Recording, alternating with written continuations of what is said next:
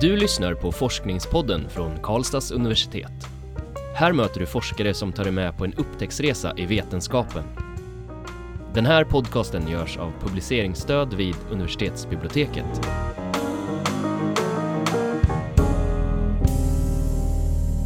Hej och välkomna. Mitt namn är Nadja. Jag heter Magnus. Och det här är det 22 avsnittet av Forskningspodden. Med oss har vi Karina Holmqvist Lid som nyligen försvarade sin licentiatuppsats i pedagogisk arbete. Välkommen Karina. Tack. Eh, din avhandling heter Representera och bli representerat. Elever med religiös positionering talar om skolans religionskunskapsundervisning.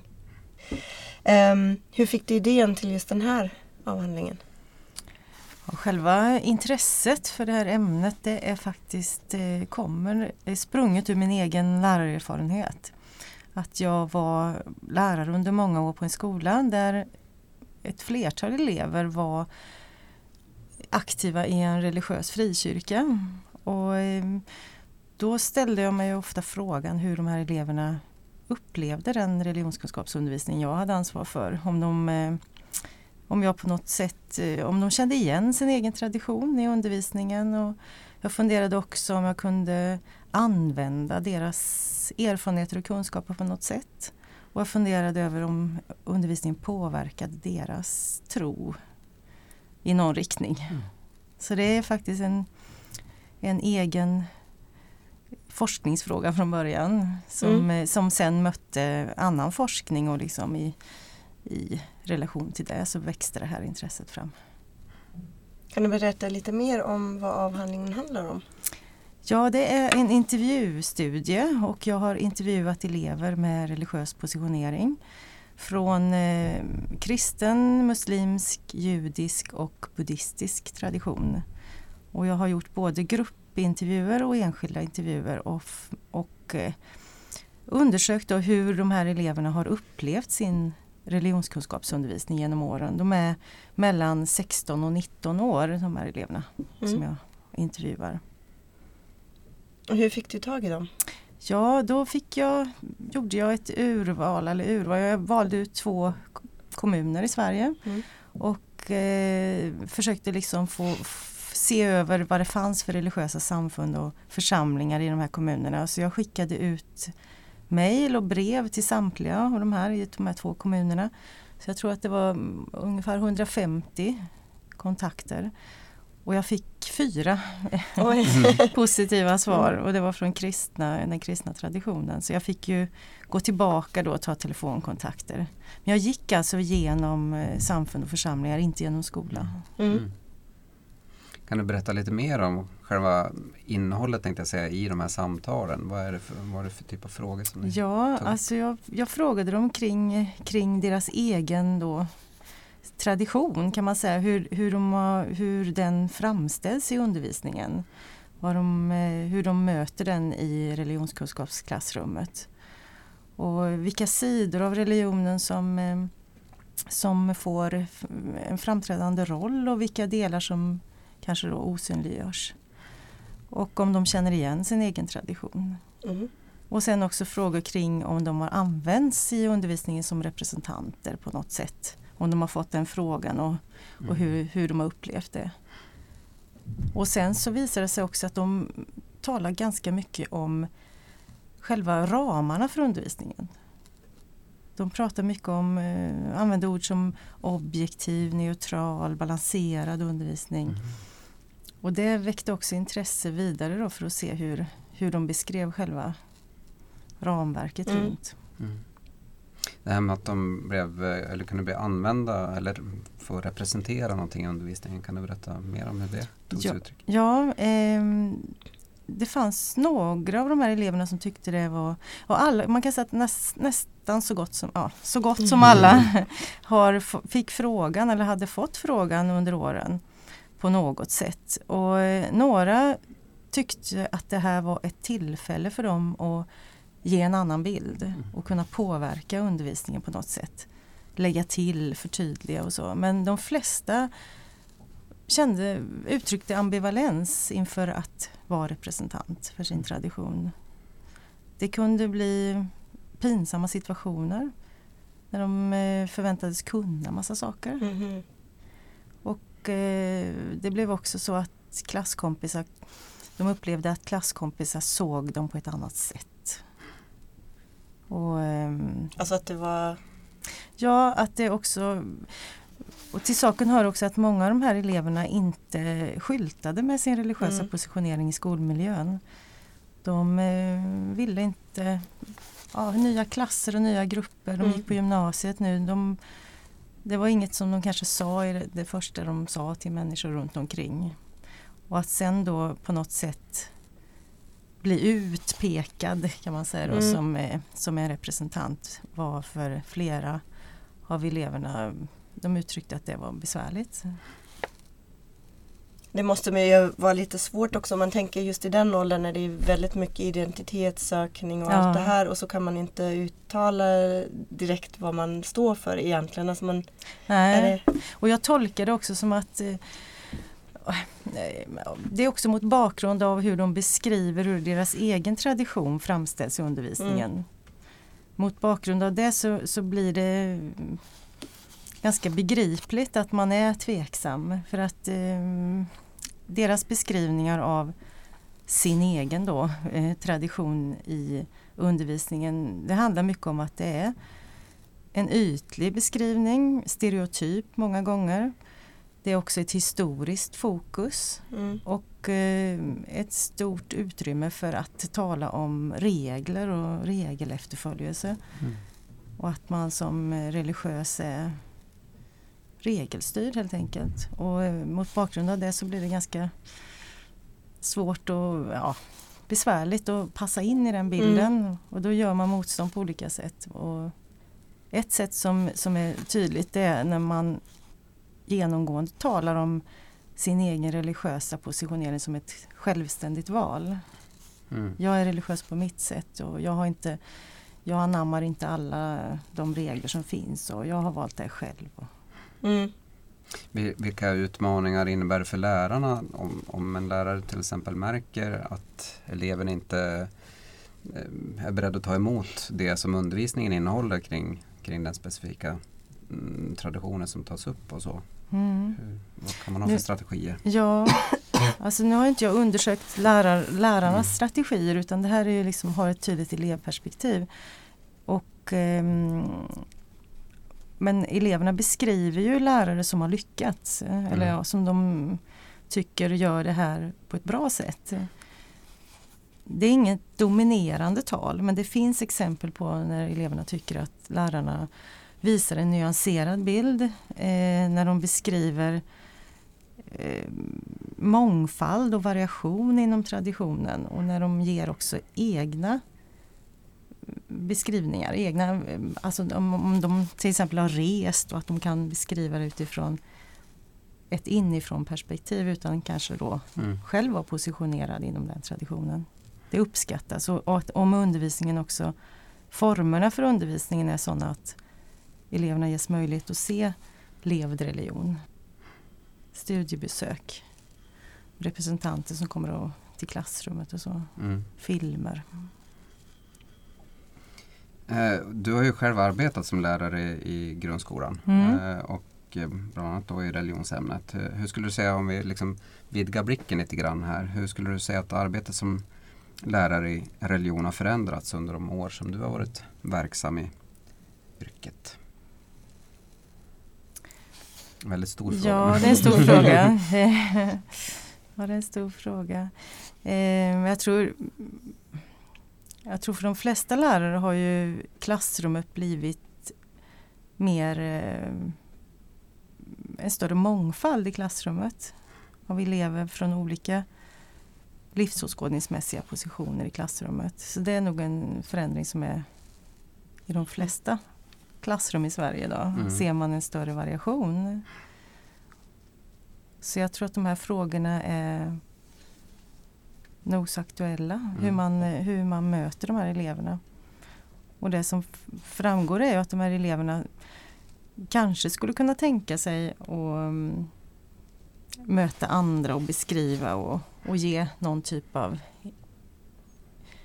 ja, en dialog, vara i dialog med andra men inte som en kanske inte som det här specifika position utifrån sin specifika position som någonting udda eller konstigt utan eh, mm. Så det är en utmaning att skapa dialog där man inte behöver försvara någon hel tradition. Mm. Vad är det viktigaste du vill lyfta fram i dina resultat? Om man nu inte har läst avhandlingen Nej. tänker jag. Nej. Jag tänker att de här eleverna också visar på det som eh, inte syns så väl i, i undervisningen kring religiösa traditioner och det som jag förut nämnde som levd religion eller som religion idag. Att det lyser med sin frånvaro och att undvika de här stereotypa beskrivningarna. Mm.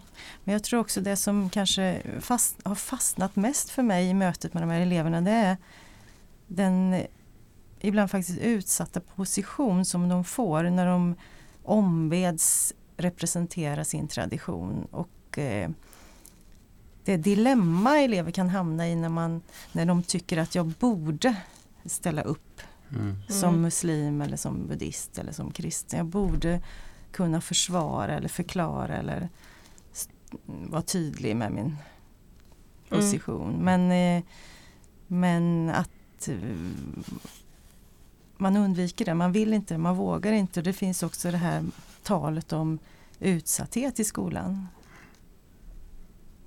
Och att eh, klasskompisar som på olika sätt eh, talar nedsättande om, mm. om mm. religion och religiösa människor. Och, och det finns också exempel här som att man har blivit utsatt med hakkors på sina skåp. Och, okay. mm. mm. och mycket skämt och gliringar som man ska förhålla sig till.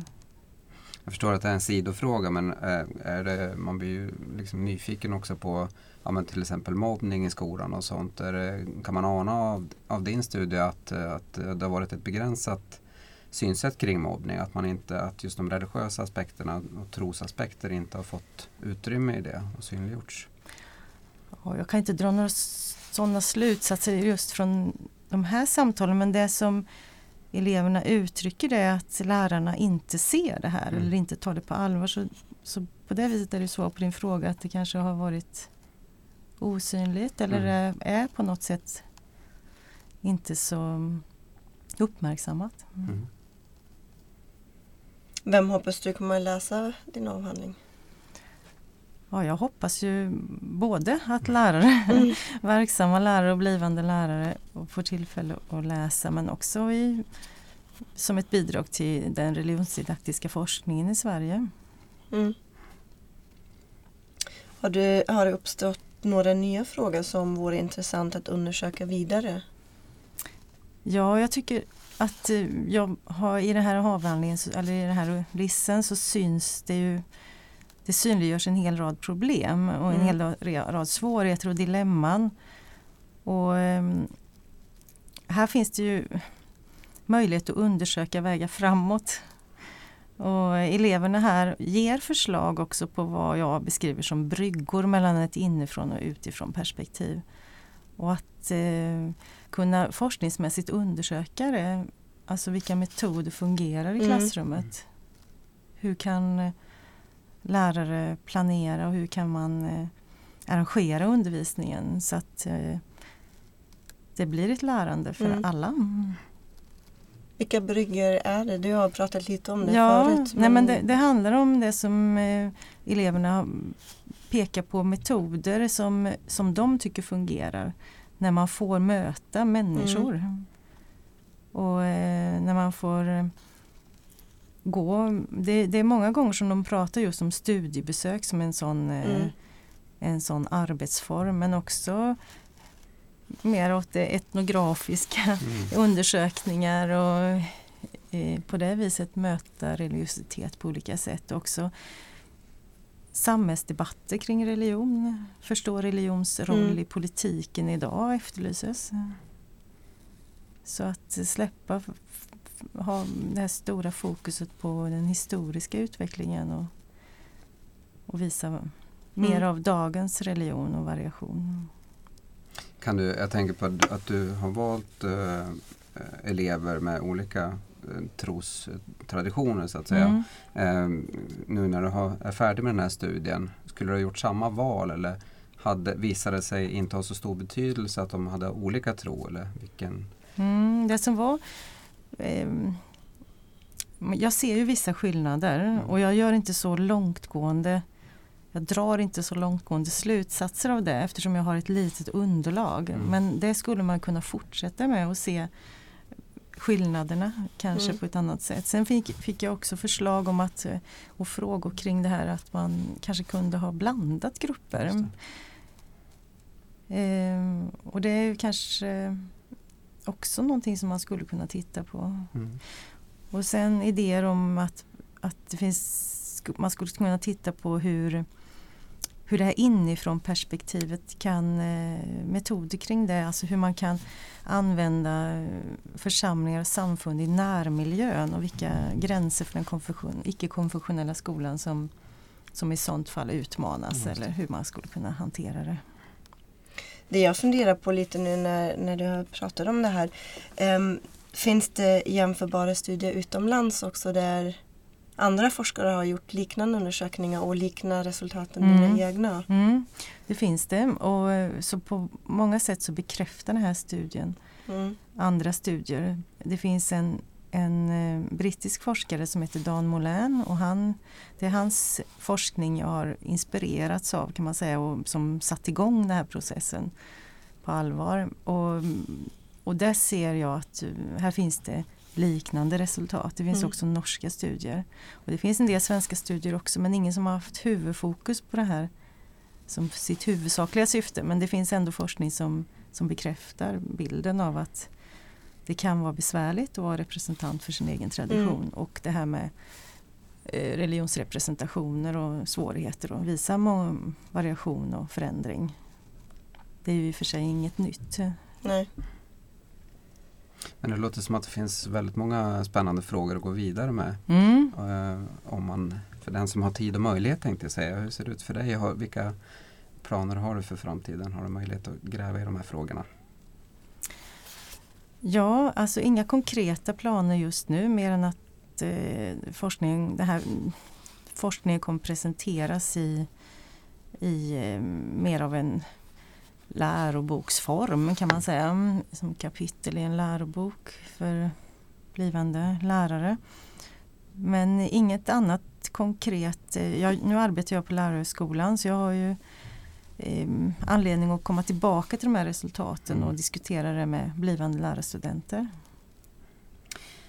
Karina, mm. våran tid börjar närma sig sitt slut. Mm. En liten avslutande fråga. Eh, du har ju gått igenom en, en avhandlingsresa fram till en LIS eh, och eh, det kommer doktorander efter dig och så som ska in i den här världen också. Mm. Har du något råd eller tips som de kan ha nytta av att ta med sig på vägen? En sak sådär som, tänk på det här. Mm. Ja, det gäller att ha tålmodiga Eh, nära och kära runt sig. som man får vårda under tiden och inte glömma bort. Nej men annars så tänker jag att jag gick ju, jag hade ju förmånen att vara med i en forskarmiljö, en, en forskarskola för lärare. Och det här, den här gruppen och att man kan dela våndor med andra och stödja varandra på, också på olika sätt men också med just att dela den här vandringen för att mm. det är viktigt att ha kollegor på vägen mm. som vet vad det handlar om. Att vara tillsammans, det låter som bra mm. avslutande mm. ord eh, tycker jag. Eh, varmt tack Karina för att du har gästat Forskningspodden idag mm, och stort lycka till med ditt fortsatta arbete. Eh, och tack också till er som har lyssnat idag. Ni är välkomna till nästa avsnitt. Då träffar vi Mona Lindqvist som berättar om sin forskning i sociologi. Du har lyssnat på Forskningspodden från Karlstads universitet. Den här podcasten görs av publiceringsstöd vid universitetsbiblioteket. Alla avsnitt hittar du på kau.se forskningspodden.